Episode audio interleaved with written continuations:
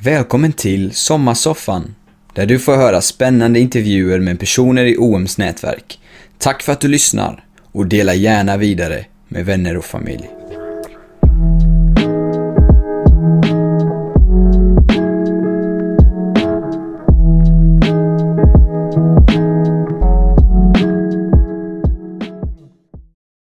Välkomnar vi er till Sommarsoffan. Här eh, varje måndag kväll under sommaren så bjuder OM på intressanta intervjuer med spännande personer i vårt nätverk. Och eh, programmen sänds ju här genom eh, Zoom där vi har flera med oss ikväll och sänds också på Facebook Live. Om ni gillar det här så får ni gärna dela med er till era bekanta och vänner som också får uppmuntras och inspireras av människor i OMs nätverk som har varit med. OMs missionsuppdrag är att se levande gemenskaper av efterföljare till Jesus bland de missnådda. Det är därför vi gör de här programmen. För att du som är med och lyssnar också ska bli inspirerad och utrustad och utmanad av eh, de som har varit med förr. Här eh, får vi se både unga missionärer och de som har varit med lite längre tid. Och en av dem, av dem som har varit med riktigt länge, det är några av mina riktiga hjältar. Jag skulle säga Sveriges hjältar, Hans och Rut Ström. Hans och Rut Ström är de som eh, 1970 officiellt eh, startade OM Sverige, men det påbörjades redan innan. Och ikväll så ska vi få lära känna dem lite grann och det är lite av deras värderingar och deras bakgrund och vad de brinner för. Och jag hoppas att det här kommer bli lika intressant för er som det är för mig att få intervjua Hans och Rut Ström. Välkomna hit! Nu hör jag er inte. Välkomna hit. Hör ni mig? Ja. ja. Jajamän, då bra. Härligt att ni är här. Hans och Rut, ni ser vackra ut i er sommarsoffa i Smålands stenar.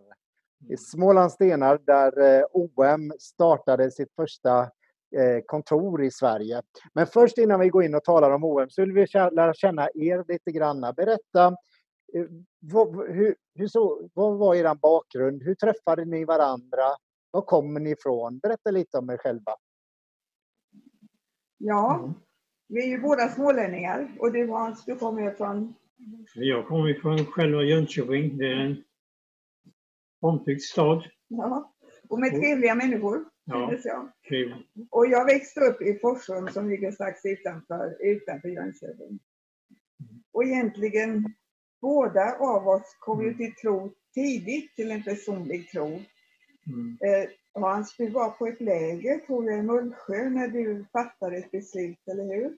Ja, det, det, det var en samling där på kvällen, då, lördagskvällen, på det tonårsmötet. Och där var man samlad till, till bön. Och Herren verkligen grep mig att jag skulle överlåta mitt liv helt och fullt till Jesus. Och det första jag gjorde när jag hade gjort den överlåtelsen, då gick jag, då smög jag mig bort till eh, flickornas område och kröp ner i deras sovsäng, för där hade jag stoppat eh, granris och annat ris hade jag stoppat ner där. Så jag smög mig bort och tog bort det och gjorde rent efter mig. Det var, re, det var omvändelse på en gång där. Ja, det, var det. ja det, det, är rätt. Och ni har ju levt radikala liv för Jesus nu alltså sen, vilket år var detta? Som, eh, vad menar du nu? För först? Eh, när, när den här upplevelsen? När Hans blev kristen menar du? Ja. ja. ja. Det var 17 år då Hans, så det var 56 då, 1956 var det. Och jag har förstått att ni har levt hängivet för Jesus och lever än idag hängivet för Jesus. Ni brinner för Jesus. Och jag vill säga det redan nu till er som jag har alltid sett upp till er och fått få höra er när ni delar med er. Det har betytt väldigt mycket för mig. Och eran överlåtelse också till OM eh, än idag. Eh, Hans satt ju till och med i styrelsen till förra året när du fick din tia. Då, det var det enda som fick dig att lämna styrelsen till slut.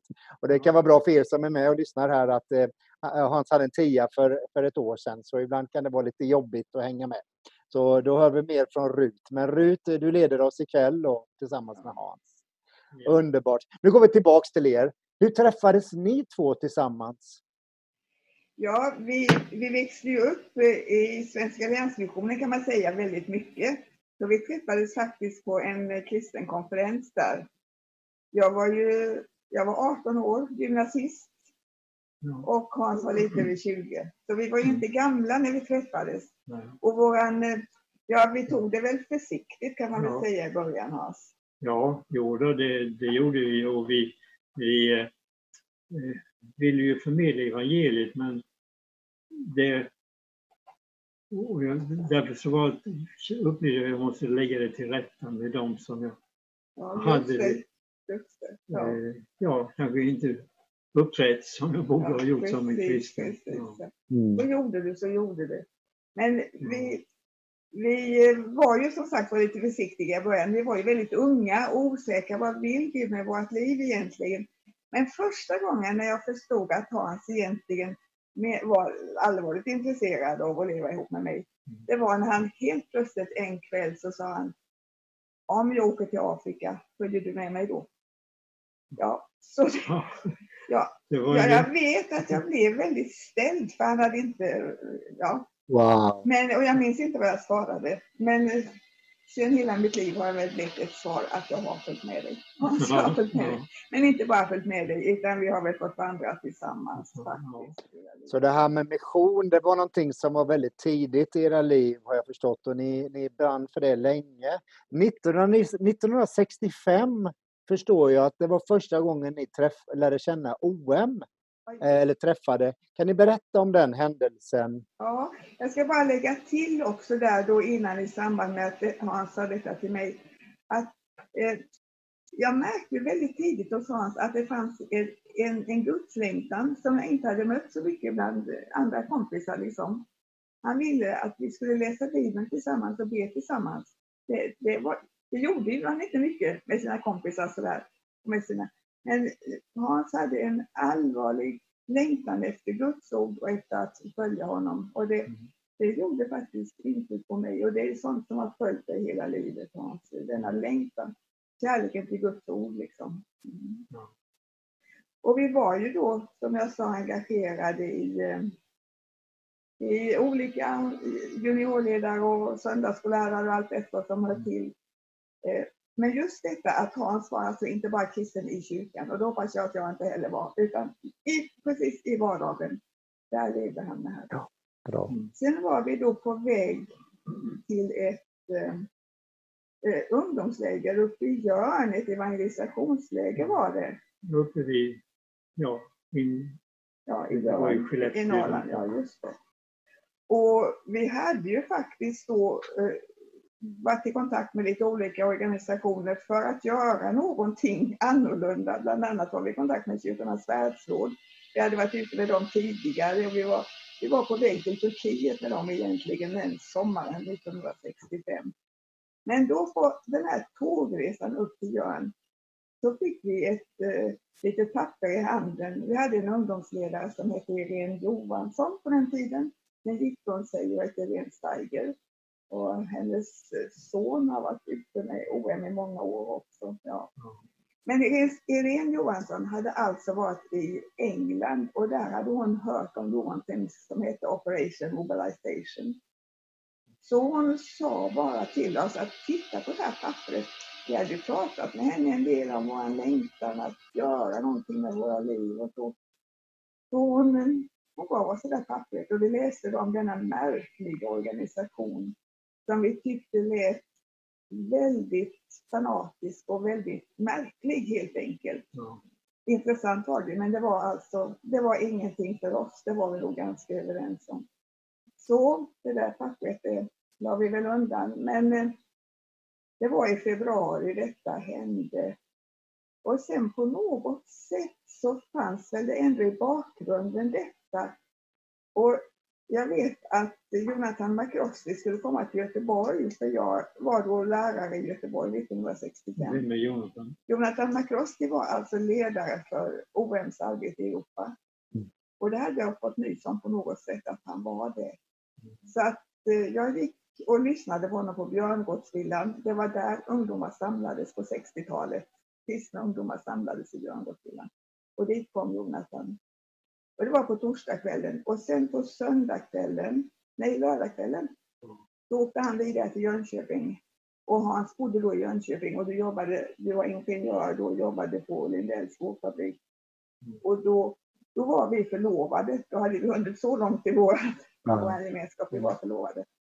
Så vi var tillsammans på den lilla samlingen där i Hur många var ni som var samlades där? Ja, det var vi. Elva. Var vi elva kanske? Ja, jag tror det var elva var Den stora ledaren kom och var det elva som samlades.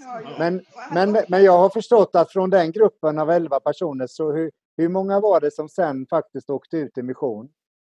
Ja. Alla de elva åkte ut? Nej, åkte alla elva. Jag är inte hundra på det riktigt. Att alla, men det var väldigt många av dem som åkte. Alla vi. Och bland dem också ni själva som då själva, vi ska tänkte gå in lite på vad ni själva varit med om. Så ni, ni ganska snart blev ju intresserade av att åka ut också utomlands i mission. Eh, vilket land åkte ni till då och varför?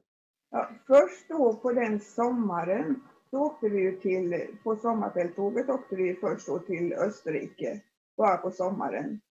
Sen åkte vi tillbaka, men du kanske vill hoppa längre fram? När ja, hoppa fram till det landet ni bodde Det var ett litet land ni var i ett tag, va? Ja, ett litet land. Indien. Ja. ja, just det. Först var vi i Österrike och sen var vi ett år i Europa först i ett, ett team som arbetade med ungdomar i kyrkan. Men sen efter det så åkte vi alltså, då har vi hunnit fram till 1967. 1967 och då hade vi också hunnit att gifta oss. Då åkte vi till Indien tillsammans. Ja, då åkte vi till Indien tillsammans. Hur länge var ni där? att tanken var egentligen först att vi skulle bara åka dit på ett, på ett halvår. För tanken var redan där då kanske att det fanns många ungdomar i Sverige och man ville gärna bygga upp ett OM-arbete i Sverige. Och tanken i OM var då att skulle man växa och lära sig någonting så skulle man åka till Indien. Ja. Vi var alldeles ja. oerfarna för att OMs internationella ledning skulle våga starta upp ett, ett OM-kontor i Sverige med oss. Men Indien skulle bli en bra skola. Så berätta för mig, som, eh, hur gamla är ni då när ni åker till Indien? Då... Ja, men då är jag alltså 25 år. 25. Vad gjorde de där? Ni var där ett par år då och bodde i Indien. Vad, vad hände inom er som unga kristna i Indien? Vad, vad gjorde det året med er? Ja, du. Det, det gjorde väl detta som hela vår tid med OM och även livet innan, men väldigt påtagligt sen vi, sen vi kom i kontakt med OM. Detta att vi lärde oss att förtrösta mer på Gud alltså. Mm. Ja. Man, blev ju, man blev ju utlämnad till Guds omsorg på ett väldigt påtagligt sätt och det betyder inte att OM-gemenskapen fråntog sig ansvar. Det, det, det fanns ju det ansvaret där. Men gemensamt var vi utlämnade till, till Guds omsorg. Mm. Plus att man också då fick en väldig eh, eh, respekt för, kan man väl säga, också en väldigt eh, förtroende för olika sätt att tillbe Gud och att, att vara i hans närhet. Och man mötte också en stor hängivenhet hos våra indiska syskon. Vi mm. bodde ju då som alltid, man gör ju vi bodde ju i team tillsammans med dem som, ja. som storfamilj. Och de lärde oss mycket. Vi kan väl säga det då att när vi gick ut och vittnade så var jag ju med ett pojkteam mm. också. Och då kom jag och jag var delade ut evangeliet och traktater. Och då kom jag fram till en ung man som stod där. Och jag frågade vad han gör. Jo, jag delar ut evangeliet. Jaha, så, så tittade jag ner så hade han ett, ett träben. Mm. Och det var en utmaning. Kan han med träben stå i hettan på en gata i Sydindien? Då har jag ingenting då har du ingen ursäkt. ursäkt utan här gäller det att gå vidare. Wow! Ni lärde er liksom överlåtelser, vad handlar det om? Jag ska komma in lite mer på slutet sen vad det handlar om överlåtelse. Ehm, det var ju meningen då, ni var där och tränades eh, och eh, blev ombedda har jag förstått av eh, vår ledare George Verver som intervjuades för, för några par veckor sedan förresten. Det kan ni också höra på Spotify eller Youtube. Men då, då kom ni hem med, med, med den uppdraget att starta OM i Sverige. Mm. Eh, och jag har förstått att det var ett litet bönesvar som hände där för att ni hade ju inga pengar och visste ju inte hur ni skulle klara er. Och, eh, kan ni berätta om det bönesvaret, det här med hyran? Ja, okay. men det var väl så att även om vi var utmanade och ombedda av OMs ledning att gå in i det här ansvaret så kände vi ju själva oss ändå osäkra på detta. För OM var ju okänt i Sverige och det, ja, det var inte riktigt enkelt. Plus som du säger, att vi hade ju inget uppbyggt arbete, vi hade inget kontor och vi hade ju inga, inga löner, inga pengar, vi hade ingen bil, vi hade ingenting som behövdes för att starta ett arbete. Mm. Så därför när, innan vi lämnade Indien i november 69 och vi reste sedan över land hem genom Pakistan, Afghanistan, Iran, Irak hela vägen hem innan vi lämnade Indien så beslöt vi oss för att vi ska be Gud. Nu vet jag inte alltid om man, jag tror inte man ska göra det alltid, men i detta fallet kände vi frihet om att be Gud om ett tecken på att han verkligen, att vi verkligen skulle våga gå in i den uppgiften. Och det tecknet skulle vara att han skulle ge oss någonstans i Sverige där vi skulle kunna bo utan att behöva betala någon hyra. Eftersom vi inte hade några pengar till hyra. Det visste vi. Och så reste vi då från Indien genom land efter land efter land efter land och vi var hela tiden detta. Vi var på väg till Sverige men med en stor tveksamhet i våra hjärtan. Det var det onekligen. Men när vi kom, när vi, och vi hade detta bönämne hade vi alltså inte delat med någon enda. Det var enbart vårt eget. Ja, det var inte ens våra föräldrar. Nej, ingen, ingen visste. Men de visste vi var på väg hem till Sverige, det visste ju många. Och när vi kom till Amman eller Beirut, det kan vi fortfarande inte riktigt komma på. Så ligger där ett brev och väntar på, väntar på oss från en mycket god vän som vi har som visste att vi var på väg till Sverige. Och han, han skriver där, ni är jättevälkomna hem igen, det ska bli roligt. Och om ni vill så finns det ett hus i Smålandstenar och där kan ni få bo utan att betala hyra. Wow. Det var ju ett sånt... Ja, det han lämnat. Jag fick ett brev till till Mellanöstern. För det var ju så att ni åkte ju hem från Indien landsvägen, har jag förstått. det, det, är en resa, det tar, det tar några dagar kanske? Ja, det, vi var väl på väg någon månad. Då. jag har precis kommit hem från södra Lappland och jag tänkte det här måste ju vara världens ände. Va?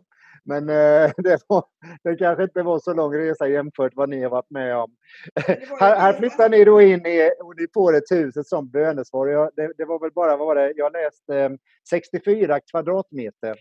Bor ni då tillsammans med eh, bland annat Irma Emker, hennes ärke Kerstin, eh, Judy, och, eh, alltså en barnfamilj och tre vuxna kvinnor. Och eh, du, jag, jag, håller på, jag läste i ett bokutdrag som kommer ut snart, en bok om OM i Sverige. Vi firar 50 år. För oss, det var nog inte så lätt för dem att samsas i ett rum på 8-10 kvadratmeter. För oss var det nog lättare. Vi kom ju direkt från Indien och var inte vana vid så stort, minns Hans. Och de lever som storfamilj och delar på allting. De äter de flesta måltiderna ihop och tillbringar mycket tid tillsammans. De har inga löner, utan lever på understöd och gåvor. Och berätta lite om den här, den här tiden. Ni, ni lever alltså kollektivt. Eh, ni har inga löner, ni är ett helt gäng, bor på ett 60 kvadrats eh, hus. Eh, hur, hur, vad, vad, menas det liksom kollektivt? Liksom, men, men visst, betal, betal, vem var det så, hur fick ni in pengar? Alltså? Ja, det frågar ju många. För det var ju inte bara att vi bodde där, vi hade ju också hela OM-kontoret på dessa 64 kvadratmeter. Kontoret var ju också där. Ja. Men eh, det var ju som sagt var en hjälp att vi kom från Indien. Plus att de här tre tjejerna var ju fantastiska. Det var inte vilka tjejer som helst som bodde med oss, så det betyder ju mycket. Och sen, vi, ja. människor visste ju alltid, vi hade ju var och en, alla vi fem vuxna då, även lille Stefan förmodligen, hade människor som bad för oss och som också tänkte i sina huvuden att de här ungdomarna behöver pengar för att kunna leva. Så vi fick gåvor från olika håll. Vi fick gåvor från olika håll. Dels fick vi då hyran, vi fick hyran. Och vi fick en bra ny bil. En Opel, vad var det Hans? En Opel på den ganska, ja. ja. det var det. Det var eh, han, Ja, det var en ny bra bil fick vi i alla fall. Ja. Och sen efter ett tag, det var en affär i Smålandstena, en väldigt fin affär med högklassiga varor. Eh, jag åkte ner där och handlade någon gång och en dag sa den här eh, kvinnan som ägde affären, kom på tisdagarna klockan ett. Jaha, det kan vi göra, det går ju bra. Så jag åkte ner på tisdagen klockan ett med min långa lista för hela vår storfamilj. Det var mycket som skulle handlas för en hel vecka. Och snabbt plockade hon upp alla varorna på disken och så sa lägg ner det fort nu och så får jag 100 kronor. Så. så för 100 kronor i veckan fick vi vårt matbehov tillfredsställt. Wow! så det var, vi upplevde många sådana stora välsignelser. Alltså. Jag har förstått det att Gud har försett väldigt mycket för er, men, men jag har också förstått att det har inte bara skett eh, medan att ni suttit med armarna i kors, utan ni har gjort trosteg. Eh, det, det ryktas om att eh, ni, ni skickade ju hela tiden, varje år var det ju hundratals som åkte på sommarkampanjer i Europa. Och ni var ju med och skickade och det är många, kanske en del som är med och lyssnar ikväll också, som var ute på 60, 70, 80-talet med OM.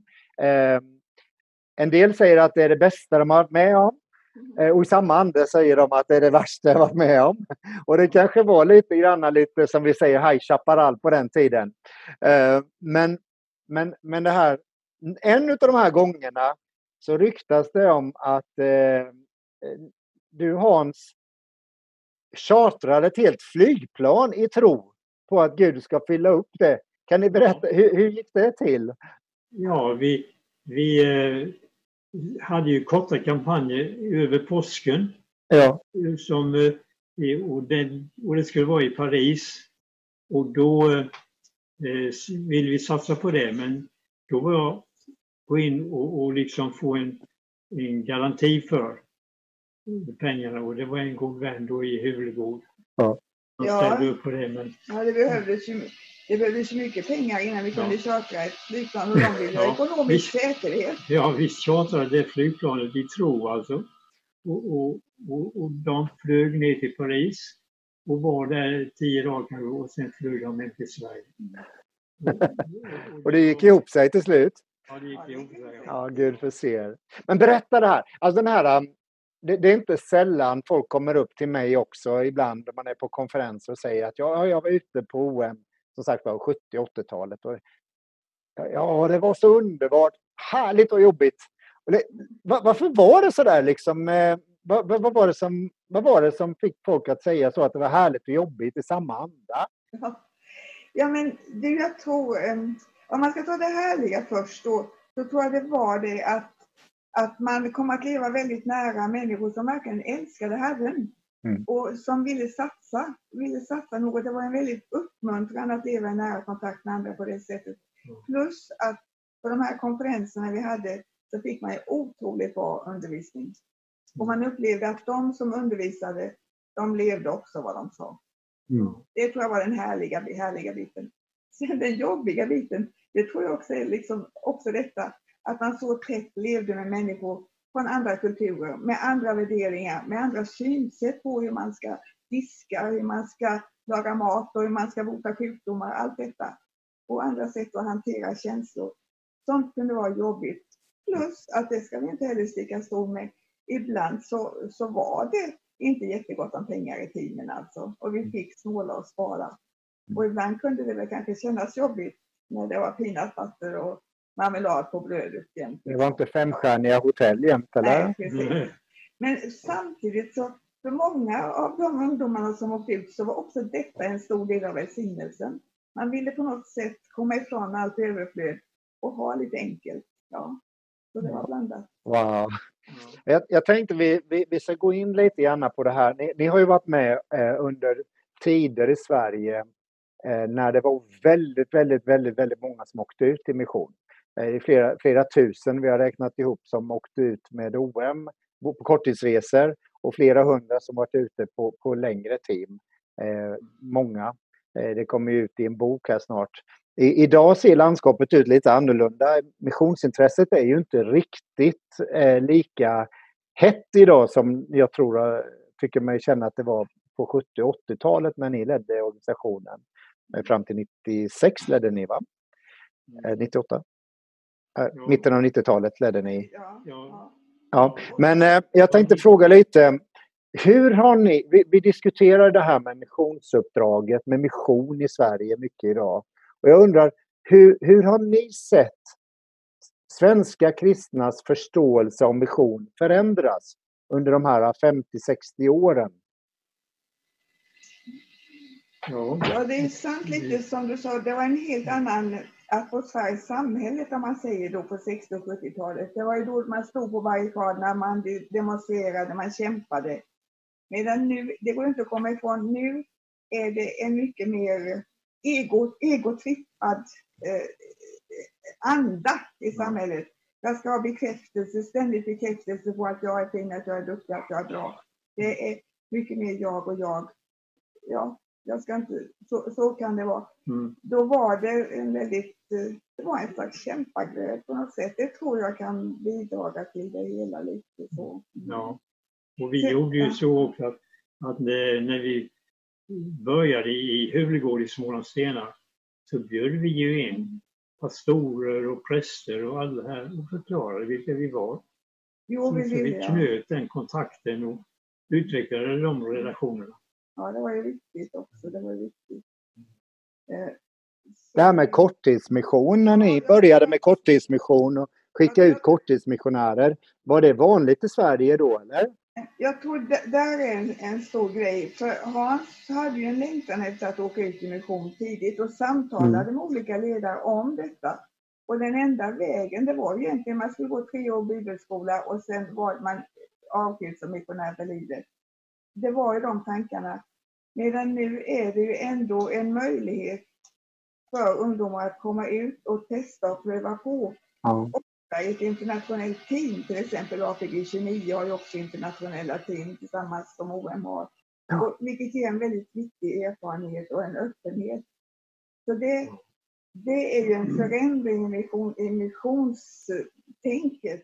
Jag tror väl så att det var väl så Rut att ni, ni, ni var väl med och egentligen de pionjärerna i Sverige eh, för att få in det här tänket att man behöver inte vara utbildad missionär för att åka utomlands en sommar eller ens prova på några år.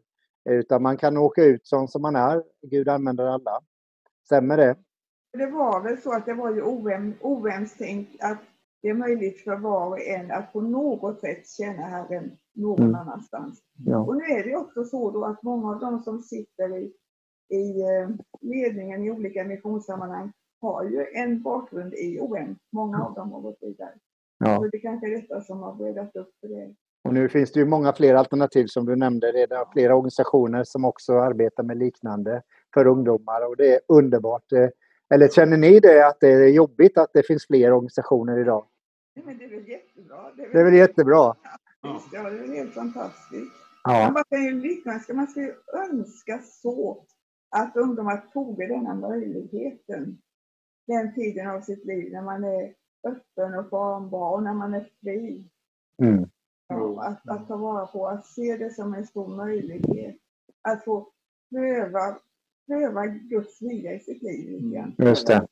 Söka Guds vilja för, så ni säger att eh, en av anledningarna att det finns mindre idag är att folk i allmänhet är mer självupptagna? Mm. Kanske så. Och sen kanske jag mm. också tror, tänker att eh, det förs mycket mer samtal om detta. Är just Jesus verkligen enda vägen till Gud? Just det. Finns det det nu eller då? Nu. Nu är det fel. Vad, vad, mm. har vi för, vad har vi för drivkraft att åka ut och vittna om Jesus? Det måste ju vara att, att vi verkligen tror att människor behöver lära känna Jesus. Om vi inte, om vi inte är väldigt övertygade om det så finns det egentligen ingen anledning. Så att det, mm. det, det är ju ändå Sen är detta ingen enkel fråga. Jag, jag är ingen djup teolog, jag avfärdar den inte lätt. Men jag tror det måste finnas en drivkraft att människor behöver lära känna Jesus. Är ni övertygna om att eh, Jesus är den enda vägen till Gud? Ja, Daniel, jag kan inte förstå något annat. Jo. Mm. kan inte förstå jo, det var när lärjungarna vandrade med Jesus och, och i det sammanhanget då Johannes eh, evangelium att jag är vägen, sanningen och livet. Mm. mm. vägen, vi följer honom.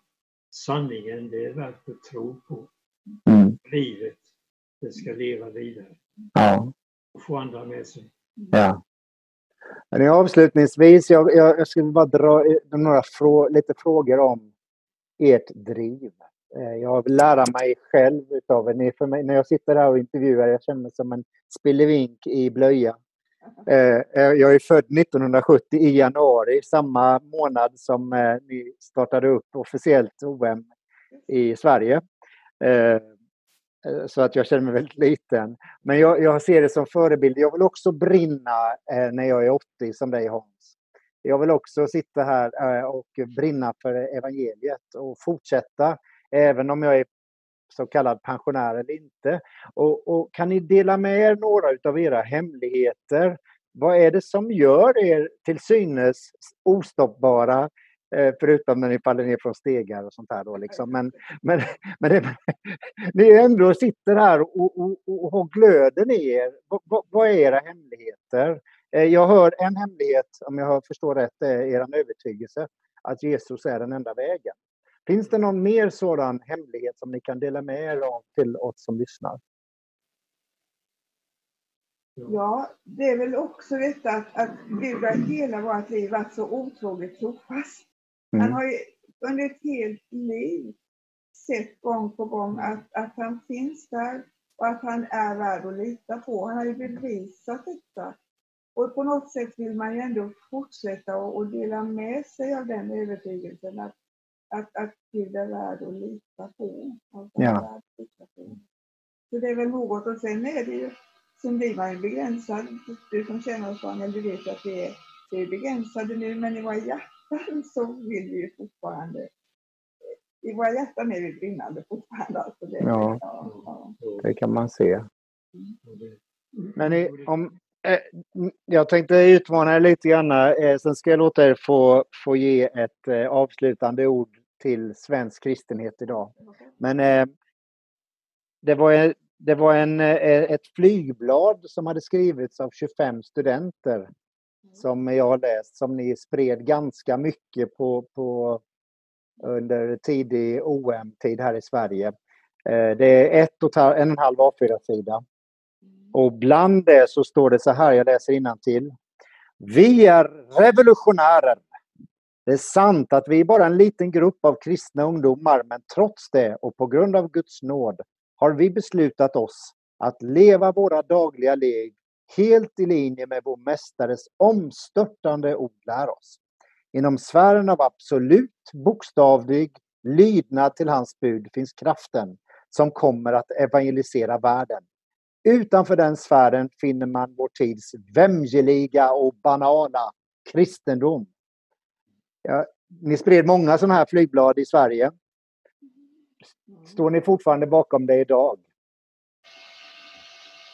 Ja, ja så att, att det är värt att satsa sitt liv på det. Att det är ja. värt att satsa sitt liv på det. Så står vi bakom det. Ja. Sen kan man diskutera ord, ordval och så.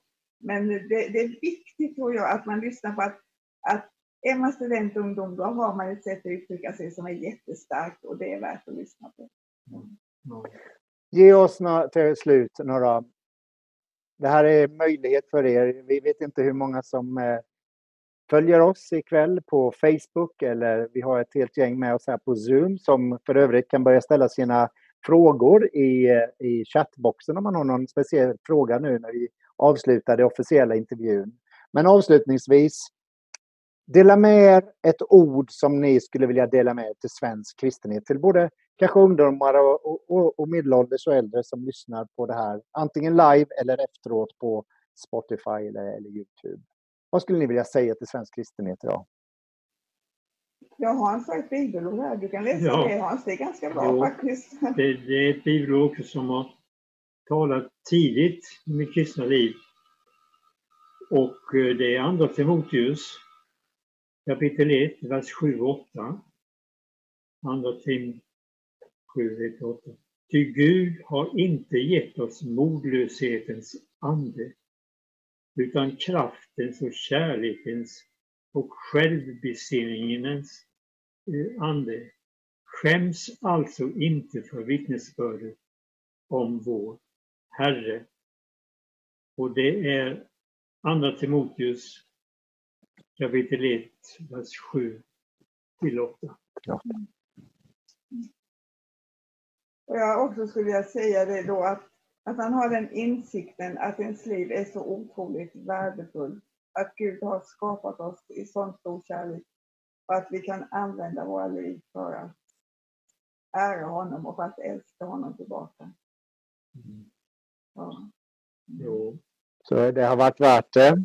Ja, det har varit, det har varit ja, ja, jag tycker man ska säga värt det. har ju bara varit nåd, Daniel, hela mm. tiden. För jag vet, jag fick väldigt tidigt en, eh, en liten målning. Det var vår goda vän Gunnel Engqvist som hade gjort en enkel batik hemma.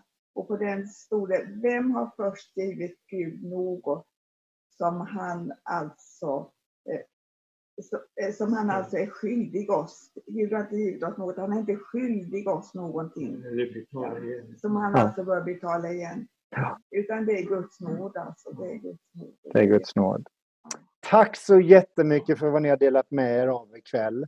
Vi ska avsluta den här officiella inspelningen och så dröjer vi kvar om ni vill på, på Zoom och ställer era frågor. Eh, men eh, jag, jag skulle vilja be en bön för er och för de som lyssnar på detta. Att Guds ord som har gått ut ikväll ska förändra oss och ge oss samma trofasta och eh, överlåtna ande som ni har. Far i himlen, vi tackar dig för Hans och Rutström och för deras passion för dig. För ditt ord, för bön, för din församling och för de onådda människorna. Herre, du ser hur de valde att åka till Indiens onådda folk för att dela evangelium. Men sen valde att flytta till Sverige och tjäna dig här år efter år efter år efter år med att mobilisera och utrusta svensk kristenhet. Och vi tackar dig för allt resultat som har setts här på jorden. Alla organisationer som har startats, alla som sitter här ikväll och, och kan säga jag känner Hans och Rut och de berättade för mig och de uppmuntrade mig i mitt, min kallelse och att jag skulle prova mission. Och de talade om de onådda, de onådda folkkonferenserna. Vi minns så mycket, Herre. Vi tackar dig för Hans och Rut och vi ber dig att den anda som vilar över dem ska vila över oss. Herre, den ande herre, av överlåtelse. Den ande av överlåtelse till sanningen, till ditt ord. Till sanningen att Jesus, du är vägen, sanningen och livet. Och att ingen kan komma till Fadern utan dig. Men också här är den kunskapen om att du är trofast och att du förser. Att vi inte mm. behöver vara rädda. Vi tackar dig för den här kvällen och för vad du har talat till oss. Välsigna oss nu i Jesu Kristi namn. Och välsigna Hans och Rut i deras fortsatta tjänst för dig. Både på jorden och i evig tid inför din tron. När de får se frukten av allt vad de, du har gjort genom dem. Mm. Tack för det i Jesu namn. Amen. Amen.